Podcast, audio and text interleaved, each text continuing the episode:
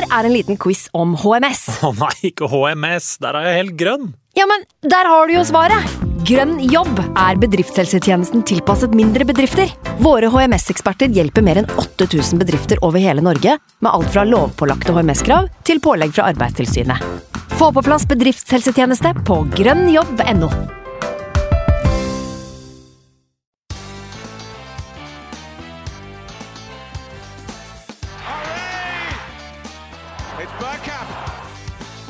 for grabs now! The next station is Arsenal. Hjertelig velkommen skal du være til en splitter ny episode av Arsenal Station med Sivert Skarstein Eriksen, Magnus Johansen og meg, Simen Goffeng. Med Arsène Wenger endelig tilbake på Emirates og med Thierry Henry pitchside briljerte Martin Ødegaard, mens Eddie æret drakt nummer 14 foran kongen sjøl. Det ble etter hvert eh, noe ganske poetisk over denne boksingdagen. eh, Kanskje til og med noen hakk opp fra det vi ønska oss i julegave, Sivert? Ja, altså I går leverte vi. Og det er jævlig deilig å dra med seg momentum. eh, Altså, nå har, de, de gutta har jo ikke spilt på 45 dager, 50 dager. Ikke offisielle, eller ordentlige kamper, nei. Eh, ja, altså, ja. Tellende kamper hvor treningsnivået er hakket Mm. høyere enn mot Lyon nede i Dubai. Mm. Så, så grisefornøyd. Storartet. Deilig. Eh, Magnus er ikke med oss i dag. Eh, han har ikke gått bort, men, eh, men han har fått utvida juleferien sin litt. Og det er vel sånn det skal være. Han, han, han trengte det, vet du. det, det meldes om god stemning i, i stua fra gårsdagen i hvert fall. Så jeg tror han for så vidt er litt eh, lei seg for at han ikke får vært med å prate i dag. Men eh, han kommer sterkt tilbake etter hvert, han. Han får prate fra seg, han. Det er deilig å ha deg med, Sivert. Dette er vel første gangen du og jeg sitter her sammen sånn sett, egentlig. Eh, jeg var ikke med med Dag Solheim, og det er klart tidligere så har vi jo kun hatt det her som gjest. Så det er veldig, veldig hyggelig å, å ha deg som en eh, fast del av gjengen, altså. Det må jeg bare si. Ja, nå sitter vi jo her som, eh, som podkastkollegaer. Rett og slett. Den Ja, innbringende geskjeften det er å være podkastere. Det er helt herlig, det. Du som er student, du trenger jo litt biinntekter, du. ja, fordi det, det, det stemmer, det. her, da. Ja, det er, jeg kan jo egentlig bare droppe den der 50 %-stillingen jeg har ved siden av studiet nå. Så Timelønna her, skjønner du, den, den blir eh, solid etter hvert. er derfor jeg Nei da. så mye, vet du. Det gjør ikke det, vet du. Nei, men ikke. vi skal, vi skal prate mye, mye Westham-kamp i dag. Uh, Jeg regner med at alle som hører på denne her, uh, har sittet og fulgt med. Så dyptgående analyser eh, Vi vet ikke om vi kan love så mye av det når folk på en måte har sittet og gjort sine egne meninger, men eh, vi skal i hvert fall eh, skravle litt, vi. Og så skal vi selvfølgelig se litt fram mot det som skjer de neste par rundene. Men aller først må jeg høre, har du hatt en bra jul, egentlig? Er du gæren? Jeg har, jeg har kost meg, og det har vært selvfølgelig tett med familieselskap. Og, ja, og barndåp har jeg vært i, og, ja, og, og, og ja, det har vært, vært mye kjør. Så, Eh, men, men, ja, men hvert år så har jeg med kamerater at vi setter oss ned til 13.30-kampen på Boxing Day. Åpner første pilsen, spiser litt ribberester, setter en bånd. bong. Og det er egentlig den beste dagen i året, syns jeg, Boxing Day. Mm.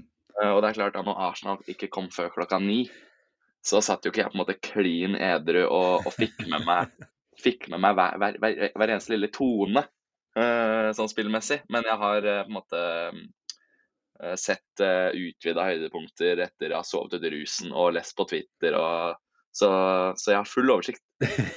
Ja, for du rakk vel å bli eh, nesten stadig mer eh, pessimistisk utover gårsdagen. Eh, altså Med den oppetakten med Tottenhams eh, poengtap der eh, helt eh, i starten, så skulle en tro at det var en var noe som borga for bare optimisme og god stemning. Men eh, noe av det siste du meldte på chatten før Arsenal-kampen, var jo at dette her eh, lukter 1-1.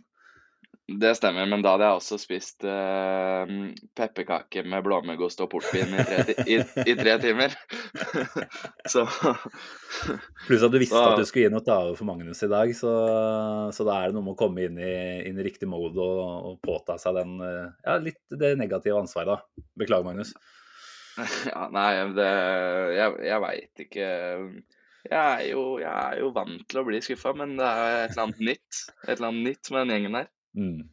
Ja, det, det er fantastisk. eh, ikke skuffa. Det her var, eh, holdt på å si, for en start på nyåret. Det var det jo ikke, men eh, det føltes jo litt ut som en, en serieåpning. da, Og for en start på del to av sesongen. Det, det kan vi ikke ha bedt om noe mer, egentlig.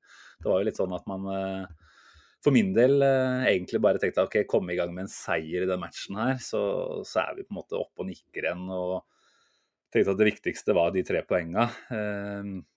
Men altså, når vi har Wenger på tribuna, Henri er der som ekspert for Amazon, Eh, der dramaturgien i kampen blir som den blir. Og noen av de spillerne som presterer på det nivået de gjorde i, i går, særlig Martin Ødegaard, som vi skal snakke mye mer om etter hvert. Da, da, liksom, da, er vi på et mye høyere feel good-faktornivå enn det jeg hadde turt å drømme om at vi skulle være allerede etter den kampen her. Da. Så det var rett og slett bedre enn forventa. Det var rett og slett skikkelig, skikkelig hyggelig. og nå er vi jo enten vi vil, vil eh, ta det inn over oss eller ikke, så er vi åtte poeng foran City nå. Med en kamp mer, selvfølgelig, men det legger jo et visst trykk på City. at Vi, mm. altså, vi ruller jo bare videre, Simen.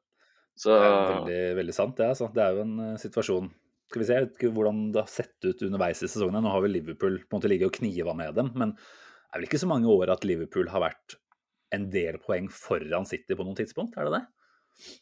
Eh, ja, de hadde vel et, et, lignende gap den ene sesongen der, eh, faktisk. Okay. Eh, hvor de, men og, altså det, Jeg har ikke faktasjekka det, men ja, Liverpool har jo hatt 90 pluss poeng flere ganger og ikke vunnet. Så på en måte den Her skal det kjempes hele tiden. Altså. Det, det er ingen tvil om. Jeg tror ikke vi knekker City i februar allerede. Altså, vi spiller mot dem i midten av februar, og klart vi kan ha et visst poengforsprang allerede rundt den kampen der, men ja, og så skal City... vi skal møte de på Etiad, og så skal vi bort på Amfield, og så skal vi bort mot Tottenham. Så jeg tror vi bare skal, skal, skal glede oss over Westham akkurat nå. Ja, det er så utrolig uh, og fornuftig. Tenk at du da, som yngstemann i poden her klarer å ta på deg den, eh, det ansvaret der. Det er imponerende. Jeg orker, jeg orker ikke være så euforisk når jeg, jeg, er så fyllesyk, vet du. det er hardt altså, å sitte her og skulle podde tredje juledag, men uh, det er et eller annet med både hva vi har behov for, og vi har jo noen lyttere som også er uh, trofaste og, og, venter på at det kommer en pod, så da syns jeg det er stort at du, at du, stiller opp. Noe redusert. Jeg elsker å prate, da, og, eh, og skal man ha en litt seriøs podkast, så får man jo klare å snakke etter hver kamp. Det er det som er stikkord her. Seriøs podkast. Ikke sant. Uh, før vi går videre, må vi bare nevne samarbeidet vårt med supportklubben, Arsenal Norway. Det kom jo en ny blekke av eh, TGP i postkassa her nå rett før jul. Ja, Den ligger jeg og ser på nå, faktisk. Jeg har ikke fått ja. åpna den ennå. Men Nei, jeg uh, titta litt på Det er jo, apropos feelgood-faktor, det er så mye i den utgaven her da, som bare er med på å underbygge den nydelige tida vi er inne nå. Coveret er Beth Mead, som jo for så vidt uh, fortjener det når hun har fått uh, BBCs eh, sportspersonlighet, eh, eller sportsperson, eh, for året som har gått. Men mye bra i den blekka, mye gode skribenter. Vet at flere av de er med og både sender inn spørsmål og lytter på poden òg, så liten shout-out til de som er med å bidra inn i, inn i The Gunners Post. Og I tillegg til det nydelige bladet der, så er det også en del andre plusser ved å være medlem. Jeg vet ikke om du har lyst til å prøve deg på, på de uh, gulrøttene som er med der, eh, Sivert? Jo, er du gæren. Det er um, Du har um, muligheter til å søke på kamper. Du har uh, altså uh, Nå glemmer jeg nettsida hele tida, men du har, ti, du har 10 på Nei, men den derre fotballbutikk. Stemmer. Ja, fotballbutikk får du 10% på drakter. Til og med 15, tror jeg. 15 15, ja. ja, ja. Og, men, men, det aller viktigste for meg, og det mener jeg, det er følelsen av å være inkludert i noe. Mm. Uh, bare det å være medlem og vokse som gruppe. og For eksempel da, så uh, kan man jo uh, notere seg at Arsenal Norway støtta spleisen til Mats Hansen med 25 000 kroner nå i desember. En fin, fin sak, selvfølgelig. Gikk til familier som ikke har råd til enten julemat eller julegaver eller hva det måtte være. Mm. Og da som eneste norske uh, supporterklubb, uh, tror jeg, um, uh, 25 000. Og det er noe du har lyst til å på en måte assosieres med, er det ikke det? Absolutt. Ja, altså, altså, alle bidrag er gode bidrag, selvfølgelig, men det er jo det, Der var vi su suveren ener, f.eks. Mm. mm. Nei, Arsenal-familien Vi er en uh, fin familie å være en del av. Så... Helt herlig. Helt Og den blir stadig større. Så som vi alltid oppfordrer lytterne til, er det noen som ikke er medlem ennå, gå inn på gunners.no og bruk Hvor mange sekunder er det? Du fornya medlemskapet ditt, og det tok åtte. Og det er klart, en først, førstegangsregistrering tar kanskje noen sekunder mer, men det er ikke mye, ass. Så Jeg er tipper at da må, du, da må nok skrive adressen din, så da tror jeg kanskje du bruker SIF 22 sekunder. da. ja, Hvis du husker adressa di og ditt eget telefonnummer, så skal det være mulig å gjøre det på under et halvt minutt, da. Jeg syns det. ja. Nei, men bra. Da har vi, har vi kommet med den klare beskjeden der også, nok en gang. Eh, For noen så er det selvfølgelig repetisjon, og til alle dere som er medlem, så er det bare å hylle det. Bare fortsett med det. Da kan vi heller snakke litt eh, Arsenal-Westham. For fader, så deilig det var å ha litt ordentlig fotball å, å se på igjen. Altså, VM har vært eh, på sett og vis helt jævlig, selvfølgelig, men også på sett og vis en grei sak å, å skule innpå eh, i ny og ne. Men det er noe helt, helt annet å ha Premier League tilbake. Eh, Vi fikk liksom litt av den godfølelsen tilbake allerede 13.30 der med Brentford som egentlig kjører over Tottenham, og så bygger jo bare dagen seg opp mot, eh, mot Arsenal Westham klokka ni. Og så, så får vi den kampen vi får, da. Altså første gangen. Vi kan vel ta bruke litt tid på kronologien i, i matchen her, men uh, fra å liksom da være litt grann uh, tunge i starten, eh, så, så kommer vi ut de andre og, og rett og slett byr opp til fest. Det er akkurat det vi trengte. Ja, det er altså det er um, Første gangen eller på en måte syns jeg, syns jeg ikke Arsenal er noe, noe sånn utrolig dårlig. Uh, dominerer av og, og, og den biten der, men det, uh, det tror jeg også Westham var veldig komfortable med. Og jeg tror de Westham-spillerne, når, når de går 1-0 til pause Og ja, omdiskutert straffe, og de skapte ikke noe, men jeg tror de var veldig fornøyde med, med at vi halte ut tiden, spilte mye på tvers. Eh, Jeg tror ingen i Arsenal-garderoben satt og var fornøyd med den omgangen.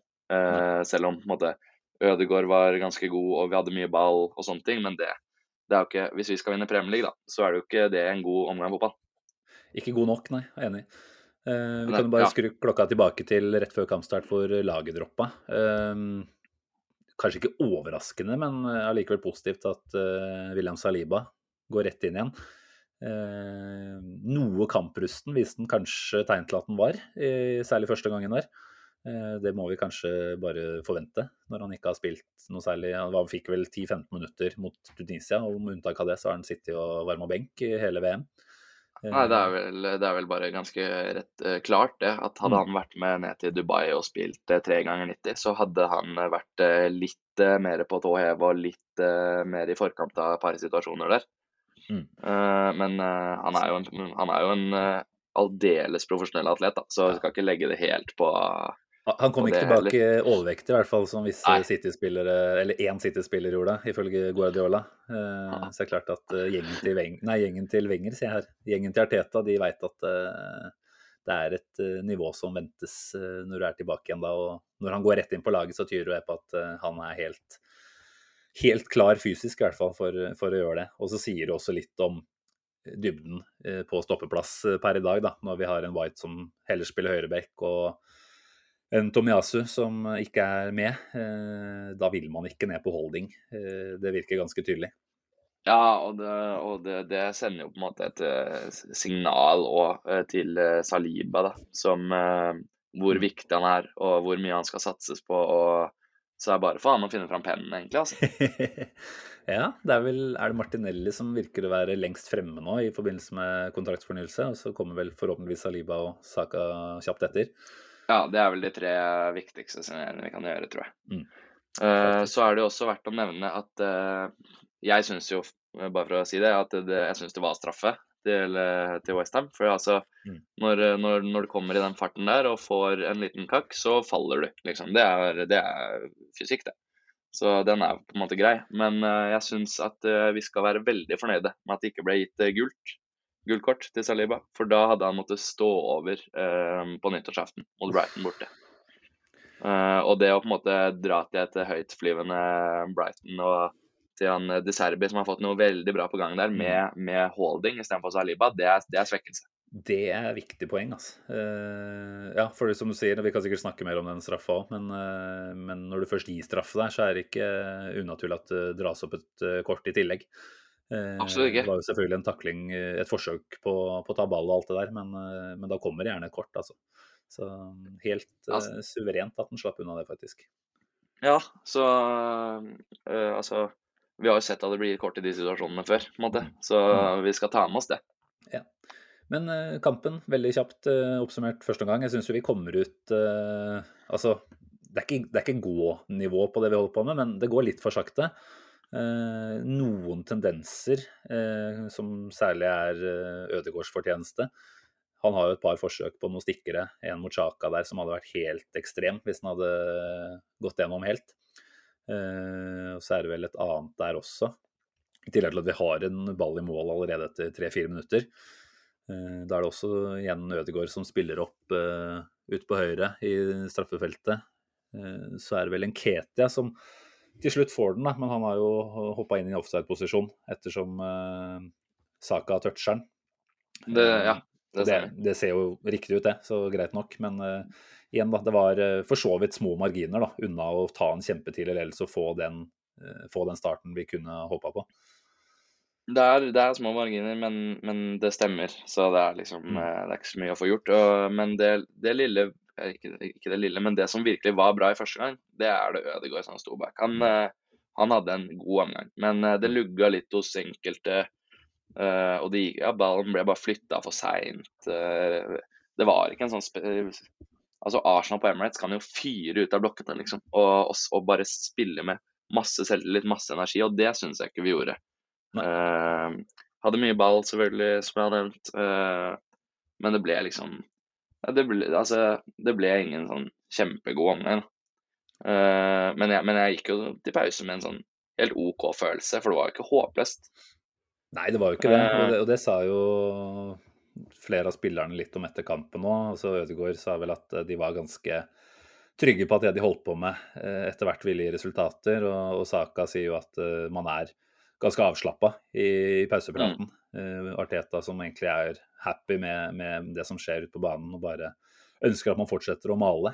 Eh, og det er jo på en måte det Arsenal kanskje har blitt veldig mye mer nå, da, og som gjør at vi minner mer om City. Det er at vi maler og maler og sliter ut motstanderne.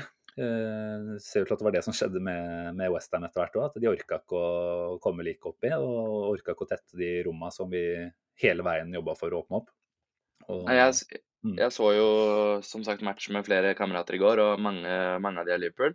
Eh, og jeg sa til de at det, det som på en måte er så bra med Arsenal nå, som gjør at jeg virkelig tror på at vi kan komme eh, en Europaligafinale eller kjempe helt inn om ligaen, det er at vi er det sterkeste kollektivet jeg har sett på veldig lenge. Og, og som du sier, bare maler og maler og maler og, og, og holder på. Mens eh, som jeg sa til de andre gutta, vi har ingen Sala på topp som bare plutselig kan gjøre noe alene og skåre to. Det er, altså, det er en lagprestasjon hele veien. Mm. Eh, og som du ser eh, I går så syns jeg, hvis jeg skal være kritisk, så lugga det mest på venstresiden. Både Terni og Martinelli syns jeg ikke hadde noen god kamp, noen av de. Eh, og da måte faller kollektivet lite grann. Mm. Og da er det liksom ikke noe Det er ingen det er ingen Alexis Sanchez vi har, da, for å si det sånn, som bare tar ballen og ordner. Men mm. Nei, jeg er enig, enig i Tierney. Syns uh, Altså, igjen, føler ikke at det er altfor uh, Skal ikke bruke altfor mye tid på å snakke ned spillere, men det er jo noe med å stikke fingeren i jorda og erkjenne at uh, ikke alle som nødvendigvis er på det høye nivået Arteta-ball krever eh, helt, da. Uh, og Tini, som kanskje først og fremst skal være solid defensivt, sleit jo ganske kraftig med Bowen i Ja, flere ja, situasjoner i første gang, og var jo også vanskelig og Kanskje med tanke på Bowen, da, så fikk han kanskje ikke mulighet til å, å delta så mye offensivt som han uh, kunne håpa på heller. Uh, men jeg syns jo det var tydelig at Tierney da Han han så rett og slett litt, uh, litt treig ut. I de vendingene til Bowen så hang han sjeldent med. Tillot jo Ja. at, han, at han fikk komme til innlegg og sånn flere ganger. Så Jeg skal Mm. eh, Altså, misforstå meg rett. altså Jeg er ikke noe negativ eh, etter dagens kamp. Det var en Mm. eh, fantastisk prestasjon. Men eh, jeg, jeg må jo si det, og det så jo alle som så på matchen nå, at uh, innhoppet til Zinchenko f.eks. var strålende. Mm. Og at det er på en måte et, eh, et hakk ned fra Zinchenko til, til Tierney, det må man jo bare si, liksom. Det er noe annet Eh. fortsatt. Selv om Tierney absolutt skal ha for forsøket i det å ja, bli mer sentralt orientert da, og, og gjøre en annen type jobb, så, så ser vi at ikke det faller like naturlig for han. Og det igjen skulle kanskje bare mangle når han har gjort noe helt annet hele karrieren sin. Mens Zinchenko har vært i City Hvor mange sesonger er det? Tre, fire, fem? Og Ja, ja, liksom øvd, øvd på dette her i, i lang tid, da. Så, så det skulle bare mangle. Men eh, Nei, litt, eh, litt eh, slit var jo der, og den straffesituasjonen, altså der syns jeg jo vi er Der er det ikke bare Tini. der er det jo kanskje ja, Du kan egentlig sette fingeren på flere av forsvarsspillerne. Saliba som tillater at den ballen eh, spretter i første omgang. Eh, Gabriel eh, som da Jeg vet ikke helt hva foranledningen var, men i hvert fall, han er ikke å finne eh, nede i stoppeposisjon. Han er vel oppe og støter, eller et forsøk på støting, eh, som han gjerne gjør. Ja. Og, Nei, det er slik som jeg husker det og tolker det, og jeg har sett den tilbake to-tre ganger, det er at det er Gabriel som egentlig støter og, og er litt, eh, litt het i toppen, Mm. som, gjør, som, som eh, på en måte gjør at Saliba eh, må inn og, og dekke opp. Så eh, Saliba så ut som en dust, selvfølgelig, men det er jo, det er jo Ga Gabriel sin bevegelse som, som fremprovoserer det, eh, Mm. slik som jeg har sett, eh, sett den situasjonen. Det er der problemet starter, i hvert fall. Og så, så gjøres det ikke optimale jobber fra Saliba eller Tini, tenker jeg, som også skulle vært med og fulgt, eh, det løpet inn, kanskje, der.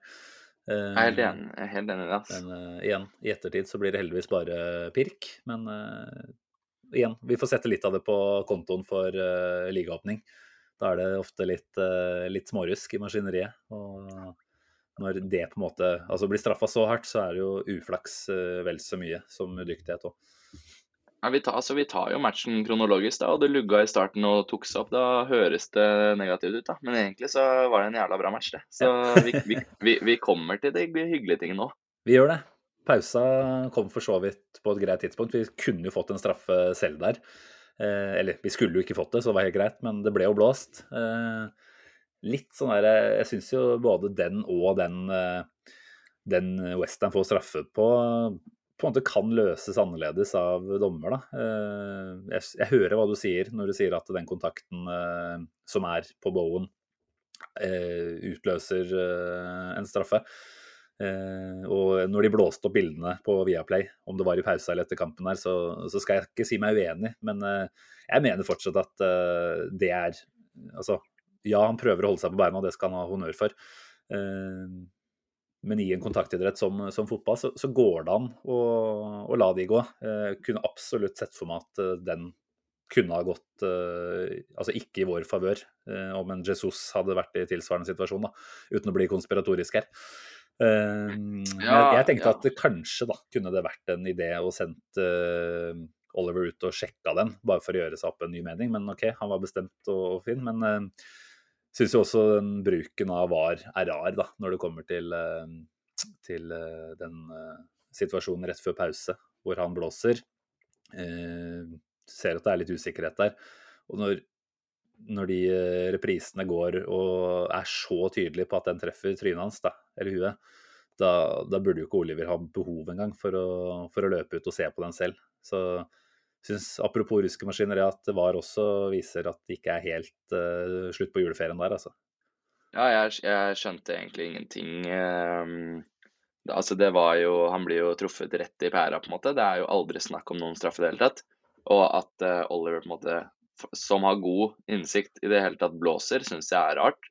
Uh, men selvfølgelig, alle kan gjøre feil. Det er derfor vi har VAR. Mm. Men at de skal på en måte gjøre så mye dilldall Er det ikke bare å si at 'sorry, Mac, men her tok du feil', liksom? Jo, skulle tro det. Men det er vel litt det der dommerhierarkiet, da, hvor Oliver er blant de som sitter på toppen av dommerne. Jeg vet ikke hvem som var var eh, i den kampen her, men jeg kan jo se for meg at det var en som kanskje er litt mindre merittert, da, og som har litt uh, altså mer respekt for Oliver enn kanskje det ville vært motsatt uh, i, i motsatt tilfelle. Og at det da blir en sånn det- vurdering av det. Men Det, det igjen, det er jo det er to-tre minutter ekstra, som for så vidt er småirriterende, men det er ikke noe, det er ikke noe krise. Men uh, 1-0 til pause, da, da gikk jeg liksom og tenkte at eh, OK, den benken her ser ikke kruttsterk ut. Eh, nå trenger vi vi trenger i hvert fall et mål i løpet av de første ti. Det var vel det jeg skrev også til deg og Magnus. Eh, Ja, det stemmer. og det fikk vi. Det var jo, det. som vi snakka om eh, før vi gikk på lufta her, en andre gang som er blant det mer eh, ja, inspirerende vi har vist. Eh, veldig, veldig sterkt det vi kommer ut til å gjøre etter pause. Den andre omgangen der er uten sammenligning for øvrig, med, med, noen spesielle ting, så er det noe av det bedre vi har gjort denne sesongen her. Mm. Uh, for det var altså å løfte seg så betraktelig, og, og, og ballen ble flytta så mye fortere, og, og, situasjonene ble gjort med mer, mer sting, mer selvtillit. Hver bevegelse så gjennomtenkt ut.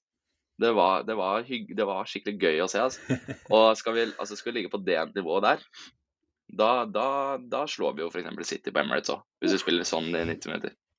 Ja, det, eh, det kan skje. Så, så, er det jo, det er jo Jeg føler jeg gjentar meg hele tiden, men det er jo et ungt lag. Det kommer til å variere i, i, eh, i alle matcher. Noen matcher blir svakere og sånne ting. Mm. Men, det, men, det, at de klarer å på en måte hente seg opp midt i matchen på den måten, det er noe vi ikke har sett på lenge. Og det begynner vi å gjøre ved et par anledninger denne sesongen. Ja, for dette er vel ligger... dette andre gang vi ligger under til pause og, og snur, er det ikke det?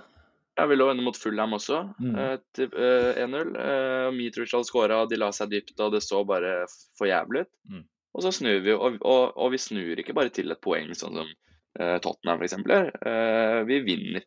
Mm. Og vi vinner igjen i går. Uh, Westham har fått dårlig utdeling denne sesongen her, men de ligger ganske høyt oppe på sånn expected points, expected goals. De er ikke noe dårlig lag, og David Moyes er en ringrev når han leder 1-0. Så, så det ikke, sier det ikke seg selv at vi skal, skal komme og, og, og feie over dem med tre gål her. Nei, i hvert fall ikke at vi skal snu det helt og dra i land en komfortabel seier. Altså, vi har jo sett den der Moyes-statistikken borte mot topp seks-motstand. Den er ganske brutal for hans del. Eh, er han 41 tap og 21 uh, eh, uavgjort eller noe sånt. Så han har jo fortsatt ikke vunnet disse kampene på bortebane. Så sånn sett var det jo fortsatt håp om at vi skulle kunne klare å i hvert fall få med oss et poeng, da, men uh, det var jo så mye ja. mer enn det. Altså, dette var jo en maktdemonstrasjon anført av uh, Martin Ødegaard, i, som for så vidt var god i første omgang nå, men som herja på et helt, helt eget nivå i andre omgangen også. Um, det er han som har rasisten på, på Saka-skåringen. Eh, der han prøvde å tre i første gang, så prøver han egentlig å fyre da, i, i andre gangen her. Og ender jo opp med et ganske dårlig skudd, som blir en perfekt pasning til Saka. Som egentlig får en ganske grei oppgave med å ja, passe den ballen inn i mål. Eh, jeg synes jo en, en, viktig detalj med hele den situasjonen der, det er jo grunnen til at Saka ikke er offside. Eh, og det er jo rett og slett at Granit Xhaka er ute og løper, som han gjør hele denne sesongen her. Får med seg eh, Kofal, som for så vidt gjør en møkkdårlig jobb fra et forsvarsståsted. Men, Grusomt. Men, men allikevel, da. Det hadde ikke skjedd om ikke Saka var ute og, og dro med seg spillere på løp. Ja, det var Sjaka som uh, fikk Koval dit? Ja, Nei, for, øh, han, ja, for... han, er på, på løpetur uh, bak ja, ja. Eller Kofal, eller hva han heter. Og... For når, når, jeg satt og så på den matchen her, så, så satt jeg og bare Og så så jeg Ødegaard skøyt, og at det ble ræva, på en måte, men at Saka Perfekt medtak og bra. Mm. altså Det er ikke bare å sette den, altså det er bra gjort. Mm. men jeg løfta ikke en finger engang. Jeg sa at det er offside, det er ikke vits å prate om. For jeg så ikke Kofal. Uh, og så på reprisen jeg, uh, så ble jeg ble jo så jævla glad, men ja, det så jo patetisk ut. Ja, ja. Nei, Det så ikke ut som uh, de på tribunen heller liksom slapp jubelen helt løs. og Det var jo jubel, men du så liksom ikke Limpsa oppi skyene der. Så det var litt sånn. Var Sjaka Det har blitt litt undersnakka, jeg, visste ikke det før nå. Jeg. Nei, Vi må hylle Sjaka hver eneste gang vi får muligheten. Det har vi gjort mye denne sesongen her. men selv nå, da, når han ikke for så vidt er direkte involvert, så, så, gjør han en viktig innsats for at det målet blir stående. Klasse, altså. Ja. Kan du bare da også legge til, da, med tanke på Bukayo Saka, som da skårer, og er vel da delt toppskårer med Ødegaard i ligaen. Mm. Uh, han er da altså den første Arsenal-spilleren uh, til å skåre på tre boxing days etter hverandre, altså 2021, uh, nei, 2020, 2021 og i år. siden Thierry Henry gjorde det samme i 2002, 2003 og 2004. Uh, hilsen uh, opp da var vel det, da. Så det er en fin, uh, fin, rekke å ha gående. Ja, det er jo Nå har jo Saka Er det fem goller? Jeg tror det er seks. han seks. og Ødegaard har vel oppi seks begge to i ligaen. Seks goller og seks assist. Det begynner jo å bli en spiller. En skikkelig spiller, liksom. Ja, han har flest, flest assist, altså. Nei, det, er, jeg sjekka, det er på Premier her nå. Det er jo, han er jo Altså, det er vel eh, forrige Haaland-spiller til å få pluss eh, ti mål og ti assist. Det er- Det vel eh, godeste Fabregas, altså. Ja, Det er nok Han, i et sånt type selskap han befinner seg snart. Og det er jo verdensklasse det han holder på med. Stort sett hver eneste kamp nå. Vi ser jo igjen i går at han er liksom Kanskje første gangen ikke så delaktig. Blir ikke så delaktig fordi han er litt for langt ute på krittet. Eh, Og så kommer han litt mer inn i den høyrekanalen eh, etter hvert, og da, da er han så livsfarlig han drar jo av spillere lettere enn noen omtrent. Så når han i tillegg da klarer å sette skåringer og, og servere målgivende, da, da er vi på Vi har jo sagt det mange ganger, men det er en komplett angrepsspiller vi har her. Ja, han er, han er enorm, faktisk. Altså. Man tar det ikke inn over seg, fordi man hele tiden måte, ser utviklingen hans fra, fra han kommer på i gruppespillskamper i Europaligaen og fra, han, fra det lugger litt, tar over etter PP. Så går så, det går så seint at du på en måte ikke blir sånn overraska lenger. Men hvis du bare stopper opp og tenker deg om hvor Mm. jævlig god han har blitt, så er det jo helt useriøst. Mm. Men vi tar med oss Eh, det, selvfølgelig. Vi gjør det. Jeg skal bare også ta tilbake det jeg sa om at han var delt toppskårer, for der bomma jeg. Eh, Det er ikke han, men Martinelli som eh, har gått opp og nå blitt delt toppskårer. Ja. Og da kan vi for så vidt skru fram til, eh, til Martinelli-skåringa. Eh, som for så vidt eh, Ja, den kommer ikke mange minutter etterpå, så det var en ganske hektisk periode for Western-forsvaret. det der. Uh, Arsenal, Arsenal var gode i den perioden, og Martinelli, som jeg syns hadde en eh, litt eh, dårlig første gang, tok seg også opp. Eh, Og han var selvfølgelig alltid livlig, alltid god som han er. Eh, Men vi kommer vel ikke utenom å si at eh, keeperhjørnet til Fabianski burde vel være lokka der. Ja, det var, det var svakt. Minte meg bitte litt om van Persie mot Barcelona. Der ja. keeperen venter et innlegg. For den, den vinkelen Martinelli har da han skyter, den er spiss, altså. Ja, det, den skal jo ikke gå inn. Definitivt ikke. Så det er jo absolutt en keepertabbe, men men ja, altså det er noe med å bare fyre. Det er jo det vi etterspurte i, i mange ganger. Nå følte jeg første gangen i går var litt sånn Vi skulle spille oss fram til den perfekte skuddposisjonen. Men, eh, men å bare fyre sånn som vi gjør i, i andre omgang her, det kan resultere i mål, det også, tydeligvis. Så Ja, det- vi, vi sier ja takk til det. Eh, og så skal vi se, da er vi faktisk Jo, da er det verdt å nevne, for det var vel etter den 2-1-skåringa at, eh, at det virkelig ble begynt å, å synge godsanger fra Emirates-publikummet. For da, Ja, det tok seg veldig opp. da fikk vi vel informasjon om at eh, Wenger kom opp på storskjermen rett etter eh, 2-1-skåringa. Og da, når først One Arson Wenger eh, runger, for deretter at man hopper over til eh, Super Mick Arteta, da var det, da var det gåsehud på hele kroppen her i hvert fall. Man får tårer enda mindre, vet du. Ja. Det er, ja, det var vakkert. Og det at å ha Wenger tilbake, og, og det syns jeg jeg er eh, jævlig kult. Eh, så lenge han blir på en måte hylla, hylla som en helt som er på en måte eh, At alt var riktig på at han skulle dra. Han, er en, han skal sitte i VIP-boksen sin, se på fotball, kose seg. Mm. Jeg syns at det Arsenal på en måte Jeg vet ikke om det var tiltenkt, men det, det jeg syns Arsenal har gjort veldig riktig, er å distansere seg fra Wenger etter han dro og gi eh, eh, først Emery, men nå Arteta, da. Mm. All mulig på en måte backing, all mulig, ikke noe sammenligning til noe.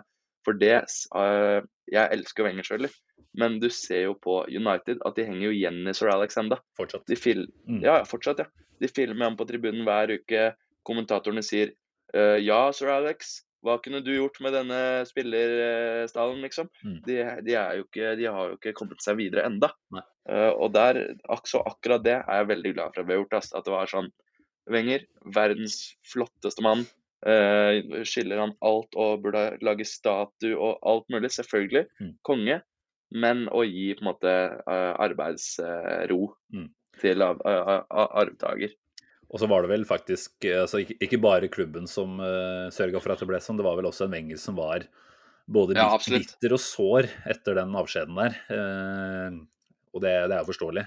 Så jeg tenker at uh, Det er vel også han da, som først og fremst nå har hatt muligheten ganske lenge til å returnere, for å ikke ha følt seg klar for det. Men uh, det har vært mye snakk i siste uken og måneden, og Arteta har blitt spurt mange ganger om når når kan dette skje, og har jo virkelig vært tydelig på at dette er noe han ønsker, og noe han vet at spilleren ønsker. Og Vi har jo sett Saka ikke sant, som har vært ute og prata i forkant her om at han aldri har møtt Wenger.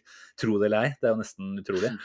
Eh, han fikk han endelig gjort det. Jeg ser jo rett før vi begynner å spille inn her nå i dag, så har det jo kommet ut noen bilder fra garderoben etter kampen i går, hvor Wenger var nede og hilste på spillerne og tok bilder. og Det er jo uten tvil en legende i spillernes øyne. ikke sant? Så sånn, Apropos feel good-faktor, da. Dette er bare enda mer på, mer på å øke den. da. Så, Ja, bare fortsetter å buse den moralen. Det er jo, det er jo helt sykt hva vi har gående nå, Simen. 13 seire, én uavgjort ett tap. Det er jo, det er jo Ja, ja. useriøst. Ti seire på rad hjemme i Premier League nå. Tre på slutten av forrige sesong, syv på rappen denne sesongen her. Da, da er vi den vanskeligste bortearenaen å komme til, altså. Som, eh, Ja, vi, tar, vi taper jo ikke på Emirates. Taper ikke på Emirates, vi. Vi feier jo banen av med Tottenham og Liverpool og Ja, det er jo, det er jo Mm. helt herlig. Det er til å klippe seg i armen av. Vi får runde av, eh, runde av kampanalysen vår, eller kamppraten. Eh, ta med 3-1-skåringa, som vi vel må kunne si var eh, kveldens godbit. Å, det, Eh, Spille i forkant. Jeg vet ikke hvor mange ballberøringer eller eh, pasninger som gikk, men det var noen. Det rakk å bli noen. Eh, Jeg skal- Syns vi på en måte må, vi må ta med alt som er deilig i den der, og det er jo da fra og med Ben White får ballen fra Sjaka. Tar en sånn der enkel chip over forsvareren. Ikke over, men forbi, i hvert fall. Passer inn til Ødegaard, som på ett touch sender den inn mot Enketia, som absolutt ikke får noe ferdigskåra pasning, altså. Det må vi bare si. Altså ja, det er en fin, eh, fin framspilling av Martin, men den, den eh, der er 70% Eddie Enketia sin. Måten han ja. vender bort uh, stopperen. Det, det hadde han gjort flere ganger, den kampen der. Det, det syns jeg igjen vi skal hylle han litt for. fordi ja, han er ikke en Jesus. Det er han absolutt ikke, og det er jo det urettferdige. For det er det mange supportere på en måte forventer. At man skal få inn en eh, som bare kommer og kopierer absolutt alt Gabriel Jesus gjør. Men Eddie har tatt store steg eh, i mange faser av spillet. Har blitt veldig flink eh, med, med mann i rygg. Kanskje et par anledninger hvor han går litt forsiktig fram i går og, og spiller støtta istedenfor å vende opp. Men, men han er delaktig på en måte som kan minne om Jesus, i hvert fall. Eh, og så gjør han fortsatt eh, ting på sin måte, men det kan man også da heldigvis si at han gjør når det kommer til disse, disse avslutningssituasjonene. Fordi er det ett punkt vi på en måte har snakka om at vi ikke nødvendigvis nedgraderer når vi nå går uten Jesus og må ha en Ketain, så er det jo foran mål. Eh, For det han gjør eh, i den, i den situasjonen der, det er eh, eliteklasse på. Eh, Vende bort, enkel avslutning, hard avslutning, rett i lengste. Eh, Det er så Ja, klinisk må- som du får, altså. det er helt uh, utrolig bra, og det er han derre Kerer, eh, Kerer som han vender bort, og det er en god Premier League-stopper. Altså. Mm. Uh, og han blir jo bare på en måte spint vekk, og nå skal ikke jeg sammenligne noe med Bergkamp her. Uh, Litt forsiktig her nå. ja, men, men, men altså, Nketia syns jeg også hadde en, en, en, en utrolig bra match. Um, og, og det er som du sier, han er jo helt ærlig han er, han, Jesus er mye bedre, altså. Men han er en, my, han er en bedre avslutter enn Jesus. Mm. Uh, og uh, altså uh, Jeg har litt statistikk her da, som gjør at det er, lett, det er lett å bli glad i Eddie. Mm. Hans siste elleve kamper fra start på Emirates, elleve goaler. Alle, er- alle competitions, da, eller? Jo, jo, jo. Ja. jo, jo. Men selvfølgelig kjempesterkt.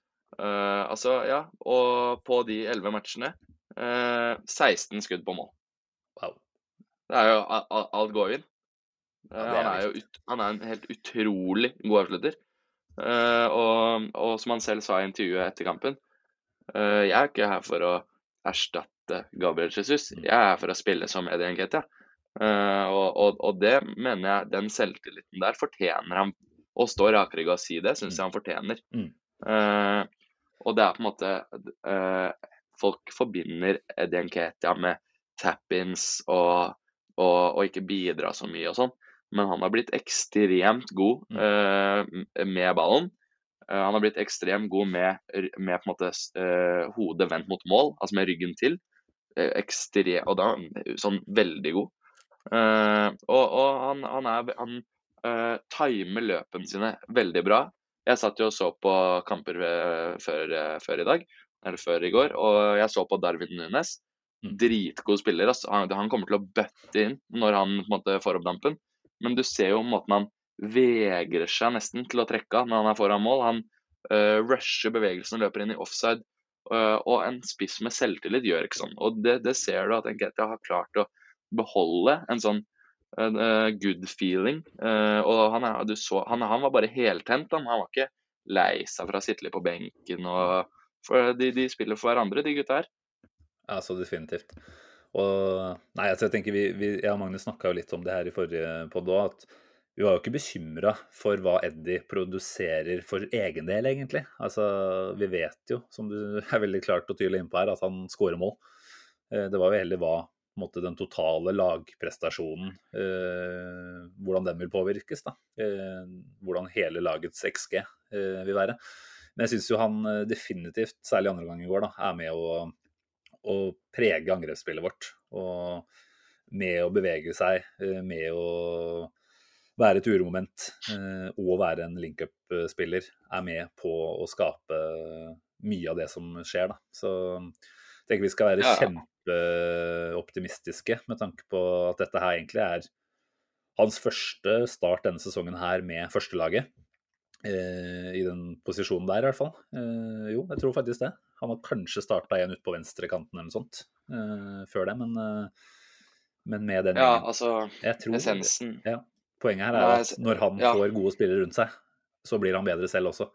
Så eh, Og på en måte eh, Ja, vi, vi spiller noe annerledes, og jeg syns til tider går at vi på en måte lempa litt mer inn i luftrom og, og virka litt mer på en måte mindre klare på hva vi skulle gjøre uten, uten enn vi kanskje hadde vært eh, med Gabriel Jesus. Og det er jo et poeng, på en måte. Men Nketia er en god spiller. Altså, det er, han, han knuste alle målrekorder for uh, aldersbestemte landslag i England. Og, og, og når du på en måte klarer å spille på Arsenal og skåre mål, så er du vanvittig god. Så når han får seg en rekke på seks, sju, åtte matcher, så er ikke jeg redd for at vi plutselig taper fire av de fordi vi har Eddie Nketia på topp. Altså, dette er en spiller Brighton sikler på og legger 25 millioner pund på bordet hver gang overgangsvinduet åpner. Mm. Uh, så, så selvfølgelig, vi savner, savner jo Jesus, men det er jo på en måte mer pga. bredden på troppen og hva han tilfører. eh, mye mindre enn hvor lite Enketia tilfører. Absolutt. absolutt. Og, jeg tenker at eh, alle altså, For det var jo en del kritiske røster, særlig på Twitter, da, i løpet av første gangen i går, som du sa her i stad. Eh, syns ikke vi hørte de samme eh, lydene på Emirates, og det er jo de vi skal forholde oss til, egentlig. da. Men, men jeg tror at det er veldig mange som har gått og går i den fella med Enketa, at man har gjort seg opp en mening, og så evner man ikke å se det fra et nytt ståsted. Jeg tenker at hvis du bare hadde henta en ny spiller som het eh, Eddie et eller annet eh, fra utlandet, 25 millioner, og fått den prestasjonen her, så hadde vi sittet og sikla på framtida hans ikke sant? og lurt Ja, på er hvor bra det dette kan bli. Jeg tenker at Den Eddie vi ser nå i dag, den, det er det et veldig veldig høyt nivå på. Og ja, det er ikke det samme som Jesus, men eh, det ser ut til at man skal kunne klare å, å få ganske gode lagprestasjoner ut av totalen her uansett. Da. Så jeg er ikke Men- så veldig bekymra. Men helt ærlig, da. Hvis rollen hadde vært snudd om, uh, Nketia starta 38-38 hvis han var skadefri, og, og si at han hadde skåra 16 goller, Mm. og så var det Jesus som kom fra benken og fikk 15 minutter på slutten av kampen der, en Europa like Altså, hvordan overbeviser du en, en hel supportergruppe om at du er dritgod, når du får 14 minutter mot å prøve å gjøre noe bort, bort, bort mot Southampton, da? Altså, helt seriøst. Du, du må jo, i hvert fall som spiss, få en rekke med 7, 8, 9 kamper og prøve å bevise deg. Og det var det han fikk på slutten av forrige sesong. Og da fikk han 100 000 pund i uka-kontrakt og, og drakt nummer 14. Nettopp. Trenger Ja. ikke liksom trenger ikke å analysere noe mer enn det. Altså, det er ikke sånn man kaster, uh, kaster disse tinga etter en spiller. eh, av hvilken som helst grunn, så er det jo helt åpenbart at eh, Arteta har Nei. kjempetroa på han. Og jeg syns det er verdt får- å nevne at Arteta i går sier at han er ekstremt fornøyd med prestasjonen til Edin Ketia. Og så skårer han et mål i tillegg. Altså, det er på en måte Fokuset til Arteta er på laginnsatsen eh, Eddie bidrar til, og så får målet på en måte være en slags bonus. da. Så jeg tenker at hvis man nå jeg, jeg tenker at Eddie eh, som eh, person da, er, er mer naturlig ute etter å skåre mål enn å si, bidra til laget, men at vi ser den endringen til den mer eh, lagbidragsyteren nå, da. Og hvis han Ja, klarer å fortsette det fokuset der, så tenker jeg at han har definitivt en, en lang framtid under Arteta. Eh, så fremt han selv opplever å, å få nok spilletid, da. Men eh, jeg tenker at det kanskje er den største endringen han på en måte har gjort med seg selv, er at han har gått fra å ha fokus på å skåre det målet sitt, kontra nå bidra til eh, lag som helhet, og så får man faktisk en scoring oppå det i tillegg, som egentlig bare blir en bonus. Så Ja, jeg har fått, jeg har fått uh, poenget mitt klart frem. Uh, men Ja. alt, jeg, alt jeg mener, er bare at når du får på en måte de siste 15 i Premier League for å løpe inn en, eh, en, og trygge en seier, og så får du kanskje 90 minutter nå da f.eks. på kunstgress i Bodø, så er ikke det nok til å drive og fortelle om en spiller er god eller ikke. Han er jo en klassespiller. Mm. Så det, ja, vi, det, er hyggelig, det er hyggelig med to gode alternativer. Nettopp. Ja, Trenger det. fordi- trenger det. Ja, For jeg bruker altfor mye tid på Twitter, og jeg leser altfor mange tweets om hvor dårlig det er hvis han ikke scorer. Og det, det, er, det var på tide med en liten rant på det, altså, for det er irriterende. Ja, ja, og det stemmer jo ikke, rett og slett. Altså, igjen, man, man henger igjen i, i fortida og egne, egne meninger fra tidligere som man ikke klarer å legge bort. Da er Sjaka fort, fortsatt dårlig, da, fordi han fikk rødt mot Burnley for to sesonger siden. ja, ja, det trengtes litt eh, overbevisning der, eh, blant annet for meg også. Skal innrømme det. Nei, vi er, vi er fornøyde med mye av det vi ser. Eh, Ødegaard, eh, som vi har vært inne på, har jo en kjempekamp. Eh, Blir vel fortjent kåra til banens beste. Han var fantastisk. Helt fantastisk. Har vel kommet noen, noen Ja, vi har fått mange reaksjoner fra, fra lyttere her. Bl.a. Fra Pål Espen Solberg, som rett og slett bare ber oss om å huske å nevne Martin. Så da har vi gjort det. Og så er det Geir Ertz på Twitter. Ber oss om å diskutere er Martin bedre enn Messi. Eh, Mm, nei. ja, ikke helt. Nei da. Nei, men altså, vi er jo ikke der. Men eh, det er jo noe ved måten eh, Martin Ødegaard kontrollerer ball på. Måten han danser seg forbi spillere. eh, Måten han faktisk klarer å finne en del av disse helt latterlig umulige pasningsalternativene. da. Som gjør at man ja, jeg skal ikke trekke parallellen til Messi, men du kan se at det er noen trekk der som minner litt om en, eh, en Messi-type i noen situasjoner av spillet, i hvert fall. Det, det syns jeg ikke er helt feil. Jeg trekker en liten parallell til Fabregas, i hvert fall i går. Ja. Eh, for han minner meg veldig om, eh, om Fabregas. Og hvis man kan bli nevnt i samme åndedrag som sånne spillere, Mm. da gjør det noe riktig, eller? Og han løper jo Altså, det er jo Jeg leste på Twitter at en nevnte at vi henta Mesut Özil tilbake, bare at han løper som et helvete. ja, det er, det er Mesut Özil med løpsko, faktisk. Ja, og jeg tror det er så lett å bli glad i sånne spillere som bare De er ikke sånn luksusspillere. Altså, han gjør, han gjør drittjobben Han gjør drittjobben bedre enn noen andre. Det er derfor han har kapteinspinnet. Mm. Ja, han er første, uh, første presspilleren vår på en måte i, i mange faser av, av det offensive forsvaret vi driver med. Ja, jeg, begynner å, jeg, begynner, jeg begynner å bli ordentlig glad i han. Uh, og han, altså, han, han løper mest, han tenker aldri på seg selv. Og nå syns jeg at han har begynt å bli litt mer vågal og litt mer Du har sett det at uh, på måte treffsikkerheten på pasningene hans har gått litt ned. Men spillet hans har jo gått opp, Mm. og det tyder jo på at han tør mer, skyter mer, uh, prøver mer sånne stikkere. Uh, og det er veldig gledelig å se. Det som er sjukt med gårsdagen, er at han fortsetter å prøve på alle de ganske drøye alternativene. Men allikevel så er pasningsprosenten han vel på 93, mener jeg husker at jeg leste. Altså, Ja. Ja, han, I går var, Det vet jeg ikke, men Jeg tror- jeg tror den var eh, det, I går, I går var han helt enorm. Han Altså. var helt ekstrem. det er jo kanskje, kanskje beste matchen jeg har sett av han noensinne, kanskje, eh, i andre omgang der. Ja, han liker seg mot Westham. Ja, han har levert der før òg, han. Har det. Men eh, ja, han skårer jo ikke her, eh, og det er egentlig greit. For det er jo kanskje først og fremst de målgivende hans eh, vi ønsker å se enda flere av. Nå fikk han to til. Fikk han ikke to stykker da? Fikk to nå. Men han prøvde jo faktisk å skåre ganske så ofte òg. Det syns jeg er kult, at vi fortsetter å se at han fyrer. Han har vel flest skudd av alle på banen med seks, Som Ja, han er masse. to mer enn neste på lista, som er Nketia med fire. Det var ikke helt Eh. håpløst et par av gangene nå, vet du. kunne lett ha stått igjen med ett eller to mål også, altså. Så ja, når vi snakker om komplette spillere, så, så er jo absolutt Martin Ødegaard en av de, han òg. Én ting jeg på en måte alltid har savna med Ødegaard Han har vært jævla god på mye, men én ting er at uh, han, han, han er ikke den spilleren som mottar ballen, og så på en måte ved hjelp av på en måte et rykk eller et, et, en sånn intensitet liksom drar seg forbi et ledd alene. Han må alltid liksom eh, innom Han skaper ikke ubalanse selv. Men det syns jeg han har begynt med nå denne sesongen. Eh, at han er mye, mye mer sånn fremoverretta, mye mer tar tak i kampen og på en måte ikke bare spiller de andre gode, men virkelig setter løpet med, spiller mest, eh, holder ballen. Utrolig, utrolig bra. Eh, Superlativene mine er jo brukt opp, men jeg tror du skjønner, du skjønner hvor jeg vil hen.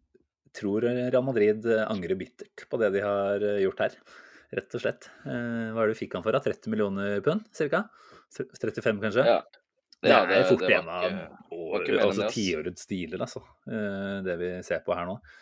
Eh, Ja, det er jo, tenker- det er jo pennis i dagens, i dagens fotball, det. Ja. det er det. Eh, Syns jo det er verdt å Ikke sant, her har vi jo eh, for så vidt litt skryt av Arteta indirekte òg, med tanke på det han får ut av, av Ødegaard. Fått eh, et innspill fra Fleskspurven, som eh, en trofast eh, bidragsyter her. Eh, han kom med sin banens beste, ikke Ødegaard, men Arteta. Eh, nevner at spillerne leverer eh, OK i VM, eh, mens i Arsenal er de fantastiske. Arteta er utrolig god på å få maks ut av alle. Eh, og det tenker jeg er verdt å, å minne om, da. Den eh, kulturen og det miljøet Arteta har skapt i, i klubben nå. Det er jo rett og slett noe du får inntrykk av at absolutt alle, alle som var i VM, bare lengta etter å komme tilbake til. Eh, Være en del av det. Eh, Det, det er rett og slett en, en vinnerkultur eh, hvor alle er Alle drar i samme retning nå. Og- Ja, det så du, det så du også på en måte. Shakan han røyk ut rett til Dubai, ikke noe ferie. Mm. Eh, Saliba rett inn i dag, mens eh, Loris og Romero ok, de spilte jo faktisk de matchene, men eh, de satt på benken for Tottenham i dag. Altså Det er en sånn herre jobben, jobben vår er, halv, er halvveis gjort i Arsenal, og vi skal, vi skal hjem til England og vinne. Og det, det har han faktisk grodd eh, skikkelig inn, altså. Eh, Martinelli selvfølgelig. Men vi har Altså, vi ble jo ikke på en måte uh, Vi fikk ikke noen store problemer uh, i VM med tanke på belastning på spillere, utenom Jesus, selvfølgelig. Det var få som spilte dritmye og kom langt og var toneangivende. Og det er jo fra eh, vårt ståsted så er jo ikke det så dumt. Nei, det var vel kanskje særlig Thomas Party vi var mest bekymra for sånn sett. Altså, ja, vi kunne vel håpe på på et vis at eh, Ghana kvala videre fra gruppa, men eh, det var helt greit at han måtte ganske tidlig hjem og er 100% klar nå. For det, ja, han er jo kanskje ikke den som på noen måte står ut i, i kampen nå mot Westham, men igjen, vi ser hvordan den midtbanen vår med Chaka, eh, Ødegaard og Party eh, rett og slett bare dominerer alle lag nå. Ja. og jeg tenker at eh, at Ødegaard er banens beste. Det er ikke tilfeldig at det skjer igjen og igjen med Party ved siden av.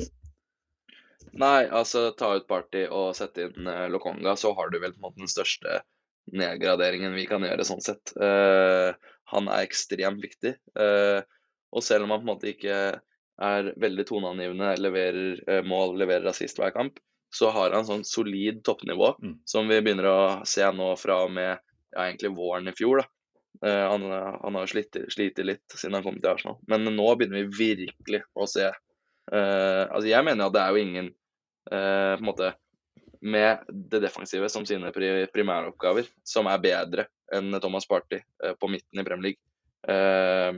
Og det er jo OK, du kan være uenig, og du kan kanskje nevne Rodri. Du kan ikke nevne Fabinho, for han har mista det helt, men kanskje Rodri. Noen, noen vil Eh. kanskje nevne Declan Rice i samme åndedrag. Ja, eh, og jeg syns vil- jo gårsdagens kamp er ganske kul sånn sett, da, med tanke på den duellen der. Altså Ikke at de møttes så mange ganger, men det var særlig én gang hvor eh, Party jakta tilbake og hadde en perfekt sklitakling på Rice. Ja, eh, viser nei. at eh, det er et lite knepp opp i kvalitet der fortsatt. Jeg syns jo også at Declan Rice sine kommentarer etter kampen vitna om en som var ganske hva skal vi si, ganske imponert over det han hadde sett fra Arsenal sin side. Eh, gikk Tror- vel ut og omtrent sa at de følte at eh, Arsenal hadde knust dem. Han er vel kanskje keen på å komme og spille med bestekompisen sin i Nketia, vel? Det er bestekompiser. Eh, jo, jo, er det gæren. De har spilt på alle alderslag og Ja, så ja, det er det. Tanken med Declan Rice er vel at han skal tilbake til Chelsea. Om du spør Chelsea-supporter, i hvert fall. Men, eh, men eh, nei, jeg sier ikke nei takk til en Declan Rice uh, som en slags uh, arvtaker til, uh, til Party i løpet av neste sesong eller to? Nei, eh, jeg, jeg, har jo faktisk uh, lefla med den tanken selv, jeg. Mm. Men jeg har bestemt meg nå for at det Arteta vil ha, vil jeg også ha. Ja, så, Så, først, først, så, så først og fremst nå så skal jo jeg ha han derre Mudrik, og så får vi se. Mudrik. Skal vi snakke litt om han allerede nå, eller? Er vi ferdig med, med kamppraten? Du er ordstyreren, min gode venn. Ja, jeg er åpen for eh, alle muligheter, jeg. Men, eh, men jeg syns det er verdt å nevne, for det var jo ikke bare vi som koste oss med kamp i går. Det gjorde jo Hva heter det? Mikael Mudrik? Eh, Mikaelo, vel kanskje. Mikhailo. Eh, Muddy Eh, Mike. Ja, noe usikker der, men han, eh, han frir jo veldig til Arsenal, da. Det er ikke noe tvil, for å si det sånn. Han har vel vært eh, langflat etter en overgang nå lang tid, og har vel gjort et intervju med dama til Sinchenko tidligere, ikke sant. Og alle signaler tyder jo på at han er overmoden for en overgang. Eh, Problemet, problemet her er jo at da Manchester United la én milliard norske kroner på bordet for eh, Anthony, så satt de en jævla dum standard eh, for uh, kantspillere som er gode utenfor toppligaen også. Mm. For nå driver jo han Shakhtar CEO-en og maser om de samme kronene. Ja, det er jo hinsides eh, det nivået man er oppe på nå. Eh, Men eh, jeg ser jo at Liverpool henta Gakpo for eh, 37 millioner pund i går. Eh, og hvis Arsenal, som må ha visst at han var eh, available, er villig til å doble det på Mudrik, så må jo eh, de mener at det er the real deal. Ja. Så da er jeg drithappy. Det var vel 37 pluss 13 for Gakpo, uh, Ja. og da er vi oppe i 50 millioner pund. Og det rapporterte budet som Arsenal har lagt inn, er vel 40 millioner euro pluss 20 i add-ons. Så- Jeg skjønte at uh, ganske mange av de add-onsa var ganske achievable. Ja. Altså at det var Jeg tror det er en totalpakke på, på sånn 65 millioner pund eh, Ok. eh, Nei, euro, da. Euro. euro. Ja, nei, jeg Euro. tipper at hvis vi kommer opp i ca. samme antall pund, 65 millioner pund, da bør vi begynne å prate. Ja, og må vi da- et stykke opp derfra, så lurer jeg jo på om det kanskje blir i overkant. Men dette har eh, Du har en ganske fin innstilling til det. Jeg tenker at klubben nå har gjort seg fortjent til vår tillit. Og da tenker jeg at det de ender opp med å enten eh, cashe ut på, på en spiller, eller finne ut at det, det blir for mye, det, det er en vurdering vi kan stille oss bak. Altså, Sha- Shakhtar er god på å selge. Altså, de fikk jo en halv milliard for eh, Fred for ganske mange år siden av Manchester United, f.eks. Uh, og de har jo hatt eh, ganske gode spillere innom. altså Bernard, som var lefla litt borti Everton, og, og William. Så de er, de er kjent med, de er kjent med å, å negotiate seg opp med de klubbene her. Mm. Uh, men du sier jo ikke nei til 65 millioner pund for en spiller som helt åpenbart vil vekk. Altså Han hadde jo signert den kontrakten på en serviett. Den er klar, den, virker det som. Eh, og jeg tenker jo igjen, som vi snakka litt om i stad, det er en tynn benk vi går inn i den kampen her med. Uh, så vi trenger jo åpenbart bredden. Uh, det er jo alltid noen som vil mene at vi kan ikke putte så mye penger i en spiller når vi har Martinelli på én kant, vi har Saka på den andre. Men igjen, jeg tenker at vi, vi trenger bredde. Vi trenger bredde, vi trenger Jeg kan se for meg at Mudrik er en type som er ganske anvendelig i de tre posisjonene helt framme. Og ut ifra forskjellige kampbilder så tenker jeg han vil kunne gjøre en jobb. Han er vel, etter det man har sett av uh, høydepunkter fra Shakhtar, da, kanskje mer enn direkte bakromsspiller som er helt perfekt å ha for et lag som kan ligge litt tilbake og kontre. Jeg er spent på hvordan han er i, i mer den fasen av spillet som vi ser i går, da, f.eks., hvor man ligger og, og stanger mot en lav blokk. Men eh, har vel lest eh, rapporter som tyder på at han også har evnen til å være en boksåpner eh, og jo ha noe å bidra med i den fasen av spillet. Da. Og hvis det stemmer, da, da sitter vi og snakker om eh, en som er verdt eh, 60-70 millioner pund. Ja, altså, jeg, jeg sitter ikke på en måte ofte i helgene og ser på Sjaktar Donetskij. Men eh, det lille jeg har sett han i Champions League, så er han eh, utrolig frisk. Skåra hjemme og borte mot Celtic, skåra mot Leipzig. Eh, og så gikk jeg inn på statistikken hans her nå, og han har faktisk på tolv kamper i, i den ukrainske ligaen, som sikkert ikke er noe ba bakgårdsliga. Vi har veldig lett for å undervurdere sånne ting. Mm. Så har han syv skåringer og seks assist også. Eh, Det er jo På tolv- kamper, ja.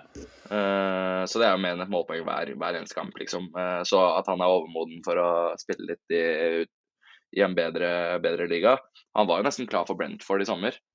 Så er det jo de der, eh, så det jo de der Champions League-kampene som har på en måte gjort at det er mer klubber som Arsenal eh, som er ute etter han. Eh, men, men han, uten at jeg på en måte sitter og ser på Sjaktar, så tror jeg det blir en klasse, klassesignering. Altså. Ja. Um, Sinchenko kjenner jo han ved godt og har helt sikkert måtte, vært på kontoret til Edu og, og sagt, uh, sagt, hva han mener òg. Og nå ser det ut til at uh, man gjør ganske klare fremskritt da, uh, før overgangsvinduet i det hele tatt har starta. Så det er jo helt tydelig at her ønsker man å få den på plass rett over nyttår i så fall.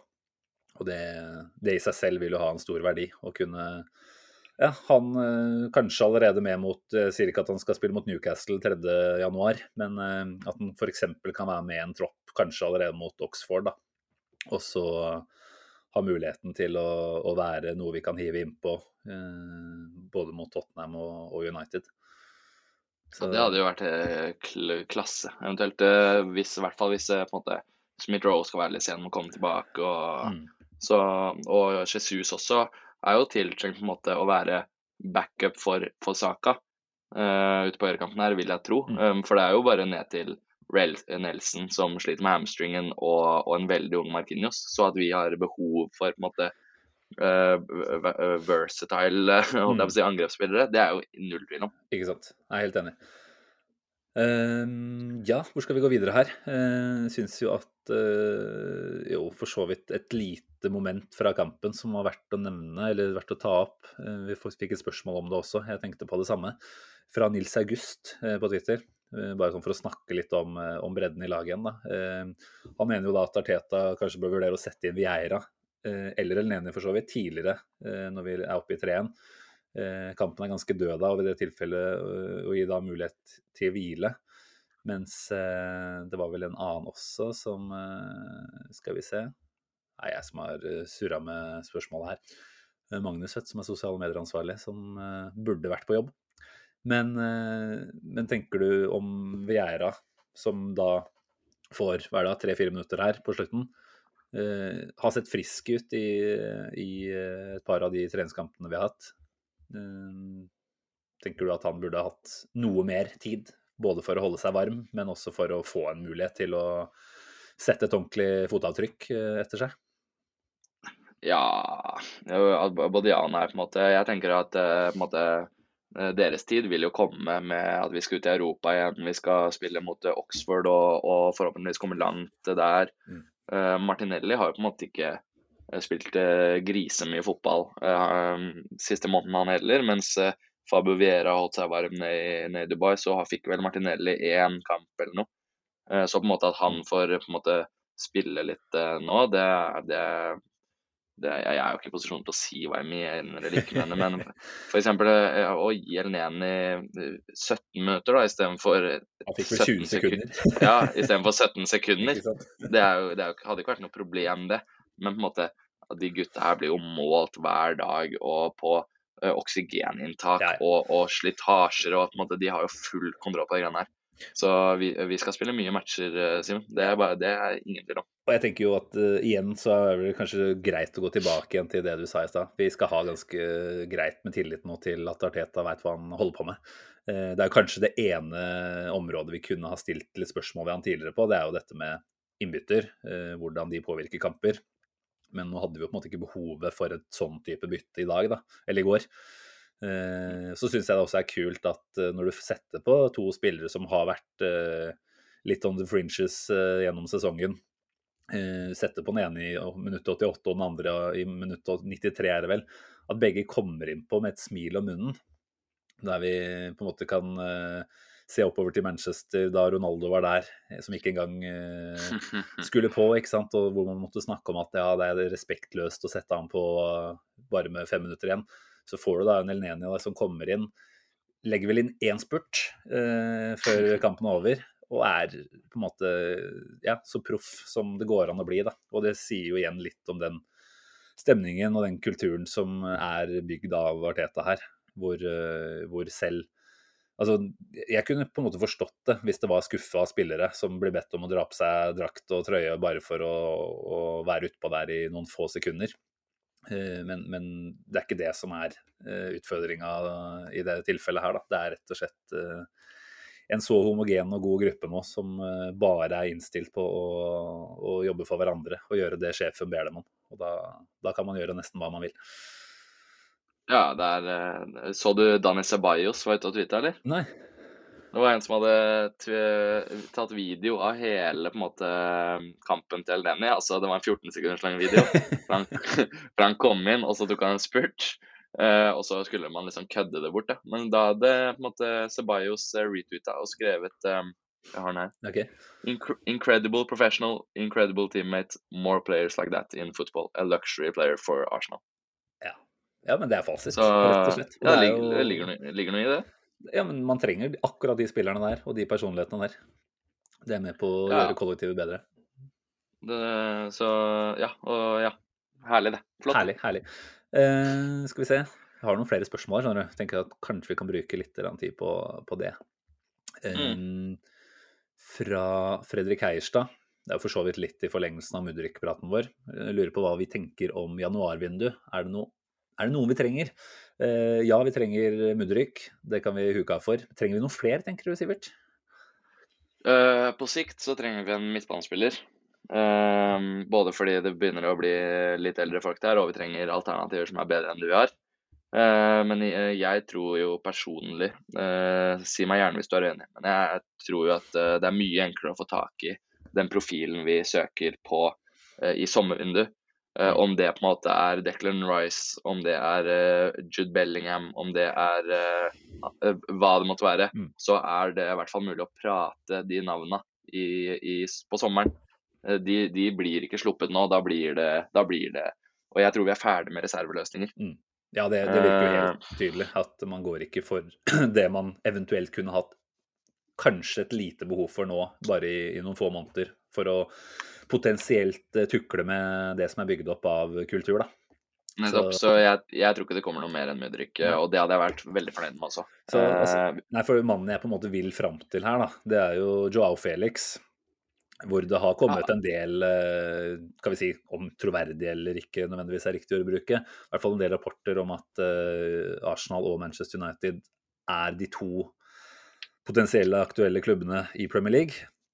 Eh, vi har gjort eh, deal med, med agenten hans, eh, Jorge Mendes, eh, i forbindelse med Fabio Vieira-overgangen. Eh, han har jo absolutt kommet på, på gal fot med Diego Simione. Snakkes om et, eh, et utlån på seks måneder uten eh, kjøpsmulighet. Åtte millioner pund og lønnskostnader som dekkes. Eh, På en måte et så sexy navn og en så sexy spiller at det nesten er umulig å si nei. Men så har du den andre siden av det. da. Hvordan påvirker det det Arteta har skapt og fortsatt skaper? Hva tenker du om det? Eh, jeg tenker som så at måte, har han vært på blokka til Arteta i, i to vinduer nå, eh, og muligheten åpner seg, så er jo det en no-brainer, selvfølgelig. Men vi ser ofte med overgangsmarkedet at det er en sånn dominobrikke. At eh, når én spiller blir available, så på en måte kaster man alle blåtegninger, blueprints, ut vinduet, og så prøver man seg bare egentlig bare fordi mulighetene er der. Mm. Og det mener jeg da er feil, da, hvis Arteta på en måte ikke har vært i nærheten av å vurdere eh, Felix seriøst tidligere, så skal ikke vi bare hoppe på det. Altså, det er jo, han falt jo på kant med Simone, som er en veldig krevende trener, men vil ha Arteta en, eh, en spiller som, som havner på kant med trenere istedenfor å på en måte ta opp kampen, f.eks. Det er jo nærliggende å tenke det. Jeg, jeg bare kaster ut ting her. Mm. Eh, Jeg, jeg ser ikke nok eh, Atletico Madrid til å vite om jeg vil ha en person eller ikke. Nei. Jeg mener bare at det er så tydelig at vi følger en plan. Mm. Eh, Og hvis det er liksom gudesendt at eh, den Arteta hadde mest lyst på nå, er tilgjengelig på seks måneder lån, ja selvfølgelig, Mm. bare hente han. Men hente Felix fordi han på en måte var god på FM 19 og kosta 100 millioner euro. Og god i VM, Eh, da, vil jeg også legge til. ja, ja. Han, han, han, han, han, er, han er dritgod. Han er Mm. dritgod, selvfølgelig. Mm. Men, eh, men, eh, men eh, det blir litt for på en måte um, Ja. Nei eh, Det er jo potensielt en sånn opportunistisk uh, overgang som, uh, som du sier, man ikke har sett som uh, noe sannsynlig at kunne dukke opp. Eh, og jeg tenker jo at Arsenal har fullstendig kontroll på særlig alle spillere på det nivået der. De har jo full kontroll på de fleste Ja, ja. nivåer, ikke sant. Så de veit jo veldig godt om dette er en spiller og en type som de kunne sett for seg. Eh, litt sånn som med Ødegaard, da, ikke sant? hvor du har en ganske klar formening om at dette er en, eh, en person eh, og en, ja, en med de kvalitetene man søker i forhold til måten man spiller på. Hvor det dukka opp en mulighet da, som man ikke nødvendigvis hadde sett for seg. For, Nettopp, få hentet og er det- Eh, Det var jo ikke noe kjøpsopsjon eh, inkludert da heller. Eh, så det var på en måte aldri noen garanti for at man ville, at man ville få Ødegaard permanent etter utlånet. Eh, nå er det jo en annen prisklasse vi snakker om her, da, selvfølgelig, eh, med tanke på at eh, Atletico betalte vel nesten 120 millioner euro for den. Eh, så, så vi på en måte er jo på et helt annet, eh, i et helt annet landskap. Men, eh, men jeg drømmer jo, da, og tenker jo at det Det er jo er en eh, skikkelig luksusspiller. Han er jo klasse. ja, liksom, det er en mulighet som kanskje man ikke så for seg at ville dukke opp. Nå kan det jo se ut til at han legger en del press selv også på å komme seg av gårde. Eh, det kan jo selvfølgelig bety mye, men det har jo Mudryk gjort òg, i Sjaktar. Eh, det ser ut til at Arteta syns han er, er sin mann, eh, potensielt allikevel. Så, så jeg tenker at eh, har man her en mulighet til å forsterke bredden i troppen, og jeg tenker eh, Man får jo ikke inn en Jesus-erstatter, man får ikke inn en Ødegård-spiller. Man får inn en deilig miks av veldig mange angrepskvaliteter potensielt, da, med en Joao Felix. Eh, Jeg tror, eh, jeg tror Felix har mange av de kvalitetene Arteta ser etter i, i ja, Han hadde jo blitt brukt nesten som en sånn falsk ni. Han hadde en sånn det er hva jeg nier-variant. også. Og det tror jeg Det høres faktisk jævla sexy ut, selvfølgelig. Spør- ja. Eh, Nei, Det eneste spørsmålet her er jo ikke om han som spiller er god nok, men hva en eventuelt eh, anskaffelse han vil ha å si for eh, resten av eh, laget da, og resten av eh, klimaet. Altså, hva tenker en Nketia som da eventuelt får en slags direkte konkurrent? Eh, hva tenker en Felix om å komme inn og ikke nødvendigvis eh, spille førstefiolin? Det har han jo ikke gjort nå i Atletico heller, og han vil jo helt sikkert til en klubb for å spille mer fotball. Eh, jeg er spent eh, på hva som skjer der. Eh, skal selvfølgelig prøve å tone ned forventningene noe, men må innrømme at jeg har sett noen YouTube-kamps de siste, Ja, ja. siste dagene, og det er jo umulig å ikke bli veldig våt i munnviken når man ser Joao Felix eh, føre ball. Ja, han er, han, er, han er dritgod, og det hadde vært en fin overraskelse på slutten av vinduet, det, altså. Hvis det formaliserte formalisert seg. Men uh, uh, ja, jeg er glad jeg ikke tar den avgjørelsen. For det er som du sier, det er ganske mange spillere da som skal på en måte eh, ha sin mening om det. Mm. Og han, de skal jo passe inn. Mm. Skal vi plutselig starte med uh, Mudrik, Felix og Saka på topp, liksom? Hvordan, uh, hvordan harmoniserer de? Det, det, det er jo men, men ja, det her tror jeg Altså, seks måneder lån på Felix høres litt sånn Nå nå kommer jo Jesus tilbake på en måte når han Mm. har lært navnet på alle gutta. og så skal han bare være der i, i fire og en halv måned da, og spille, spille fotball, liksom. Jeg vet ikke. Nei, men vi er tilbake på det du sa i stad, så det Arteta og gjengen eh, finner ut av, det, det stoler vi på. Det er, det er nok fasiten, ja. Det er fasit. Enkelt og greit. Jeg tror- tror det. Ser klokka den som vanlig går fort her, eh, men vi må ta med et par spørsmål til. Eh, Oddi på Twitter, Oddi2k, spør om dette er sesongen. Er det lov å drømme nå, eller er det bare selvskading? Og Da er det verdt å nevne at vi er på 40 poeng, altså, på 15 kamper. Eh, historiens beste ligastart for Arsenal. Det har det jo egentlig vært i flere runder nå allerede. Eh, Åtte poeng ned til City, som spiller mot Leeds i morgen. Eh, Newcastle er jo faktisk eh, nærmest per i dag, sju poeng bak, med en kamp mer spilt. Eh, hvor mye tillater du da drømme om dagen, Sivert? Uh, nei, det spørs uh, et, På promille over 0,6 så mener jeg at vi vinner alt. Eh, men, men helt ærlig, jeg har sett eh, Liverpool knive med det City-laget her i så mange år og på en måte tapt tre kamper i ligaen uten å vinne. Eh, og, og helt ærlig, City er i stand til å vinne resten. Eh, det er 24 kamper igjen, bare vinne resten. Så mm, Det kan skje, det vil ikke skje, men det kan skje. Nei, det, det kan skje, altså. Så jeg, er rolig fortsatt. Vi har, vi har ikke halvspilt ennå engang. Så men, men, men ja. Men drøm i vei, du, eh, kompis. Ja, jeg, jeg drømmer. Det er klart jeg drømmer. Eh, Jeg begynner jo liksom komme ganske klart inn på det sporet nå at topp fire, det det skal gå i orden. Det, det, tenker jeg ikke på lenger. Det er Ja. ikke topp fire eller ikke topp fire. Det er bare hvor lenge vi cruiser på den bølgen der. Ja. Uh, vi kan vinne ligaen. Jeg, jeg, jeg skal ikke sitte her og si at vi ikke kan vinne ligaen. Vi kan vinne ligaen, absolutt. Så det er bare å drømme. Men jeg bare tror ikke vi gjør det.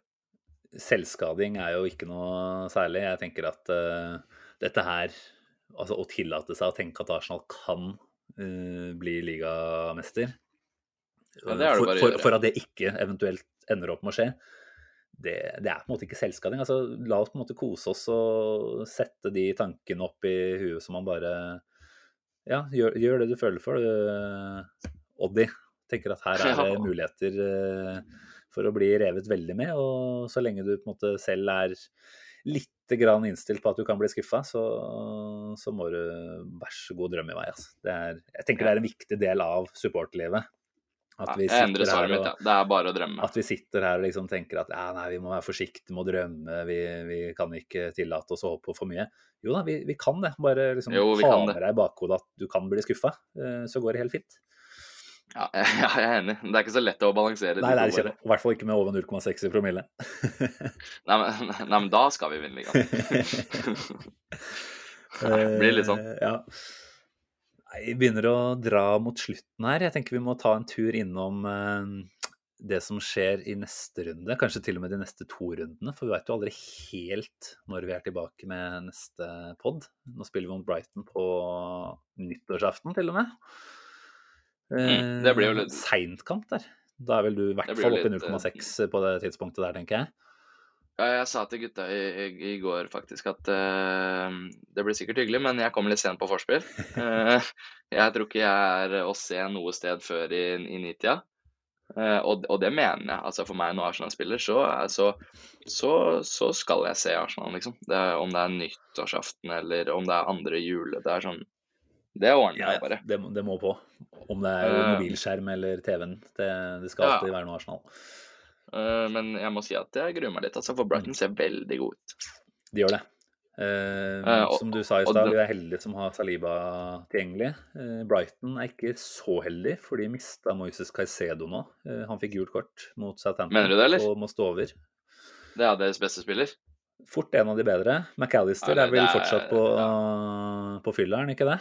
Så Han, han skal nok spille, tror jeg. Tror du Altså. det? Ja, jeg tipper det. Jeg, jeg hørte vel at det var snakk om en to ukers ferie. Uh, Men- mener du det? drøyt ut, men igjen, det må jeg ta noen forbehold rundt. Altså, men det er jo sånn sett en mulighet da, for at eh, to av deres absolutt beste ikke er med i den kampen. her.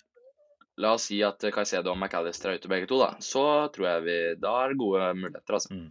Eh, Han Di Serbi, som de har fått inn nå, han var jo i sjakk der, og har jo nevnt at, Stemmer. At, at eh, hvis han ikke på en måte tar med seg Mudrik til det øverste nivået i fotball-Europa, så skal han se på det som pers et personlig tap. uh, Så får vi se, da. Ja. Altså Brighton er jo blitt en lei nøtt for mange lag etter hvert nå. Eh, Jeg føler at de er sånn typisk klubb som løfter seg i hjemmekampene mot de beste. Vi har jo fått noen tøffe opplevelser der de siste åra, har vi ikke det? Det var vel en uavgjort kamp der i fjor, var ikke det omtrent på den tida her, da? Jeg husker ikke helt, jeg. Men eh, 0-0 spilte vi borte der i fjor. Eh, Jo, det må ha vært det, for det var rundt jula. For det var en av få matcher jeg ikke var på. Ja, ikke sant? Så Det må ha vært det. hva er det de har som hjemmestatistikk? Den er ja, for så vidt ikke fantastisk. Eh, 3-2-2 hjemme. Vunnet eh, Nei, tapt eh, to av de siste fire. Hjemme. Jeg vil ikke jinx, eh, jeg vil ikke altså.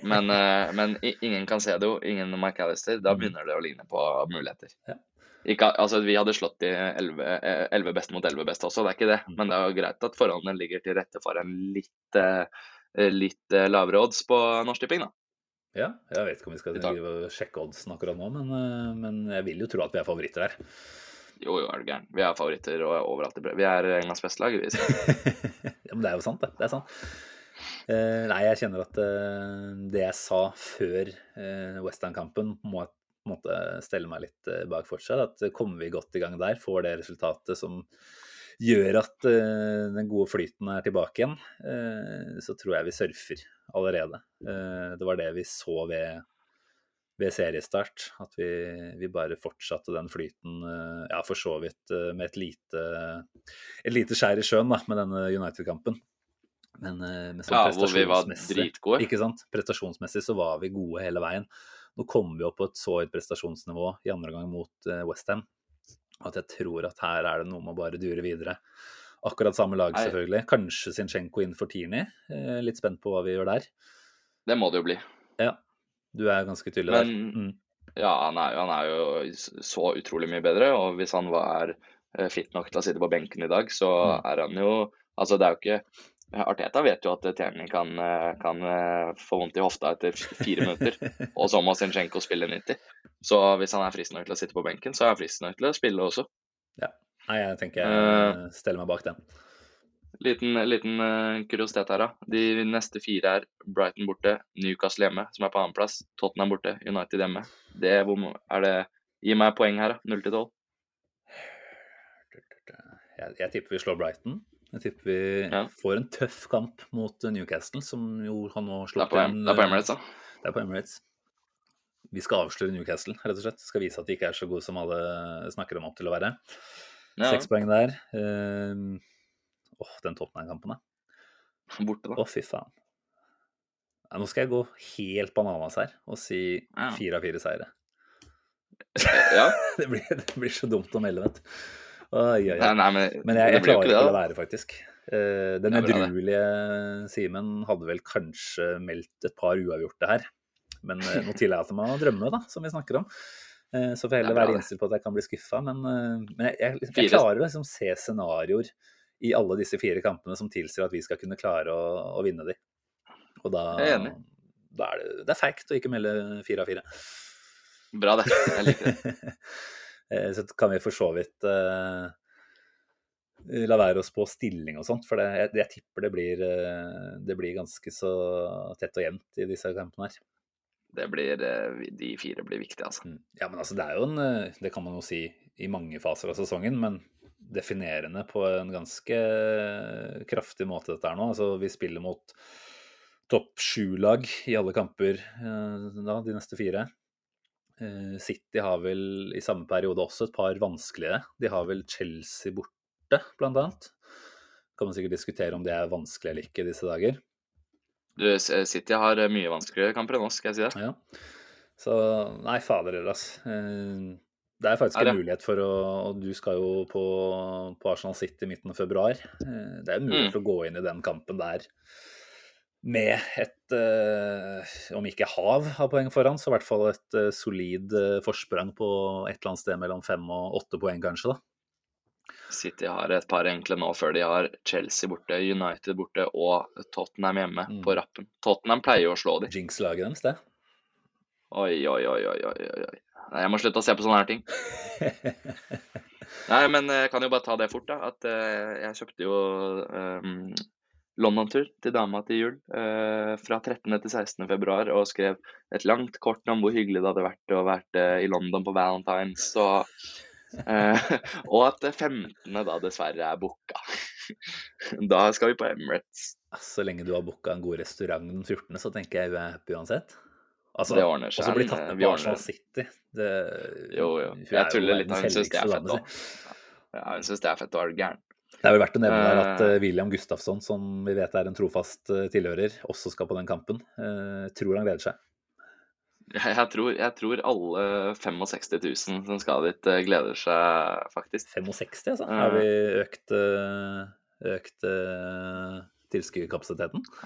60, da, altså 5000 som står og spør om De står spares utafor og lurer på om de kan komme. Ja, fy faen. Any- 5000 som roper 'any spares'. Det er jo sikkert det. ja, nei, jeg skal jo faktisk på tur med to av brødrene mine eh, bare noen få dager før der. Og forhåpentligvis eh, få tak i noen billetter til Brentford-kampen. Så vi, Ja, det ordner- vi møter det- på flyplassen, vi, da. Jeg antar at det fins en eller annen som kan ordne deg det. Det Jeg kjenner, jeg. jeg kjenner jo en hyggelig kar da, som har noen kontakter borti, borti England der. Ja, det er flere. Magnus har jo bodd der, har han ikke det? Jo, men det er ikke så hyggelig. Ferdig. Ferdig. Nei, Magnus, du får eh, kose deg videre i jula. Og du, Sivert. eh, vi får se da, når vi eventuelt er tilbake her. Kanskje optimistisk og tro at formen er eh, der den bør være første nyttårsdag. Vi må jo sikte oss inn på det. Vi håper på det. En liten, en liten prat på søndagskvelden der. Det er en fin måte å starte det nye året på, det. Det blir konge, det. Ja, men da, da har vi en liten plan, har vi ikke det? satser på bare at det ikke blir sånn generelt eh, tema at jeg fyllesyk hver eneste innspilling. Nei, jeg skal nok eh, hjelpe deg litt eh, til å, til å se bedre ut eh, da, for da har jeg vel noen planer om å få noen enheter sjøl. Så sitter her og lefler i, i kjent stil. Det er bra. det. Takk for praten. Du, særdeles hyggelig, Sivert. Dette funka som fjell, syns jeg. Det gjorde det. Herlig. Nei, men Da får du ha en eh, god avslutning på 2022. Eh, nyt resten av romjula.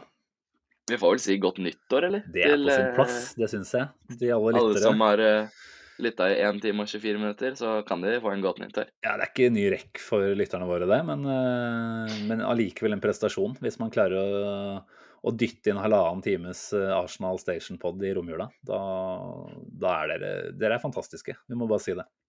Eh, Setter veldig stor pris på at dere er med. Eh, Sleng gjerne inn en rating på Spotify eller iTunes eller hvor du hører på podkasten din. Eh, Det setter vi veldig stor pris på. Så sier vi vel bare da på gjenhør om ikke altfor lenge. Snakkes på søndag, eh, Sivert. Og godt nyttår. Ha det bra. Ha det.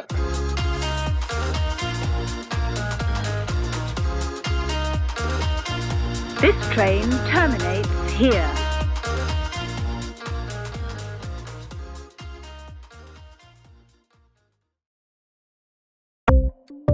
Ukens annonsør er HelloFresh. HelloFresh er verdens ledende matkasseleverandør og kan være redningen i en travel hverdag. Mange av oss har nok vandret i butikken både sultne og uten en plan for middagen, som ender med at vi går for de samme kjedelige rettene gang på gang. Middag burde være dagens høydepunkt. Som HelloFresh kan du nå velge mellom 25 ulike retter hver eneste uke, eller få HelloFresh til å sette sammen menyen for deg. Dette gir deg muligheten til å prøve nye og spennende retter alene eller sammen med familien. Du velger antall porsjoner og får alt levert på døren på et tidspunkt som passer for deg. Oppskriftene er enkle, og maten er lett å lage både for store og for små. Ved å få alt levert hjem får du også mer tid til å dele matgleden med familie og venner. Kanskje det frister med asiatiske tacos eller greskinspirert kylling? Da kan jeg anbefale deg om å gå inn på hellofresh.no. Her kan du bruke koden FOTBALL og få opptil 1779 kroner i rabatt på de første fem matkastene hvis du ikke har prøvd HelloFresh tidligere. Du kan også bruke rabatten hvis du har vært kunde og stoppet abonnementet ditt for tolv måneder siden eller lengre. Gå inn på hellofresh.no og bruk koden FOTBALL. Har du et enkeltpersonforetak eller en liten bedrift? Da er du sikkert lei av å høre meg snakke om hvor enkelt det er med kvitteringer og bilag i fiken, så vi eh, gir oss her, vi. Fordi vi liker enkelt. Fiken superenkelt regnskap.